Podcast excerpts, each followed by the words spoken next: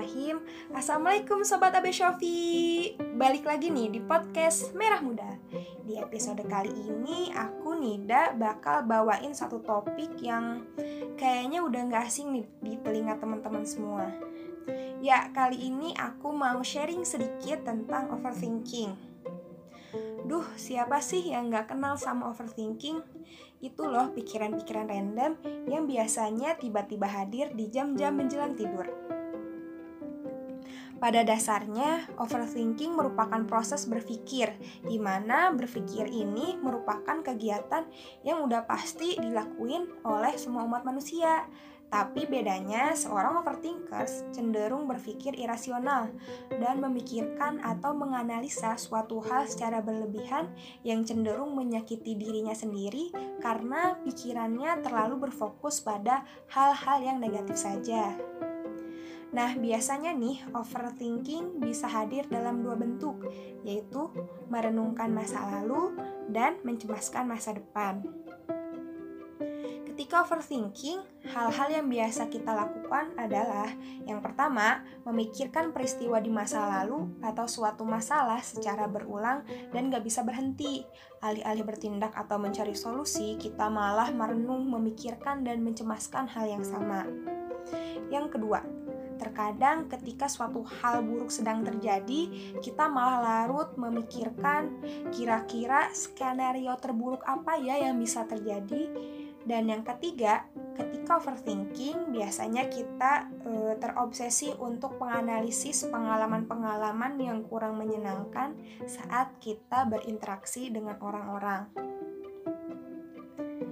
Selain bikin gak produktif, overthinking juga bisa ngebawa kita pada ruminasi, yaitu kondisi di mana kita terjebak dalam emosi dan pikiran negatif yang sama, yang pada akhirnya ngebuat kita jadi ngerasa cemas dan stres. Ruminasi ini ibarat lingkaran setan yang gak ada akhirnya. Ketika kita mikirin suatu pengalaman buruk di masa lalu yang bikin kita cemas, lalu kita ngerasa hopeless, dan kemudian kita nyalahin diri kita sendiri untuk pengalaman buruk yang pernah terjadi.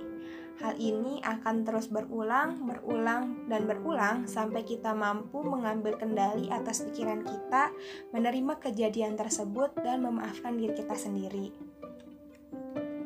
Nah, Sobat Abe Shofi, imbas dari overthinking ini bisa bikin kita jadi lebih sulit menikmati hidup. Selain itu, overthinking juga dapat mempengaruhi regulasi emosi dan pola tidur. Berpikir dan khawatir yang berlebihan akan menciptakan perasaan tertekan dan gelisah yang kalau dibiarin gitu aja bakal nimbulin kecemasan atau depresi. Tapi tenang teman-teman, permasalahan overthinking ini masih bisa kita atasi kok. Gimana tuh caranya? Nah, ada caranya nih.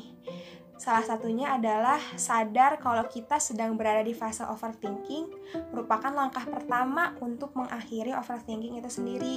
Saat kita sadar dengan siklus overthinking, kayak tiba-tiba kita mulai mereka ulang adegan suatu peristiwa atau tiba-tiba kita mengkhawatirkan hal-hal yang sebetulnya nggak bisa kita kendalikan, teman-teman bisa langsung mengalihkan pikiran tersebut dengan kegiatan yang lain, misalkan kegiatan membaca buku atau sekedar scrolling explore Instagram. Kalau dirasa itu belum cukup, cara lain yang bisa teman-teman lakuin adalah dengan menuliskan semua masalah yang selama ini ada di pikiran teman-teman ketika overthinking. Ngebuat list masalah-masalah apa yang lagi dipikirin bakal ngebantu kita buat gak mikirin ulang masalah yang sama.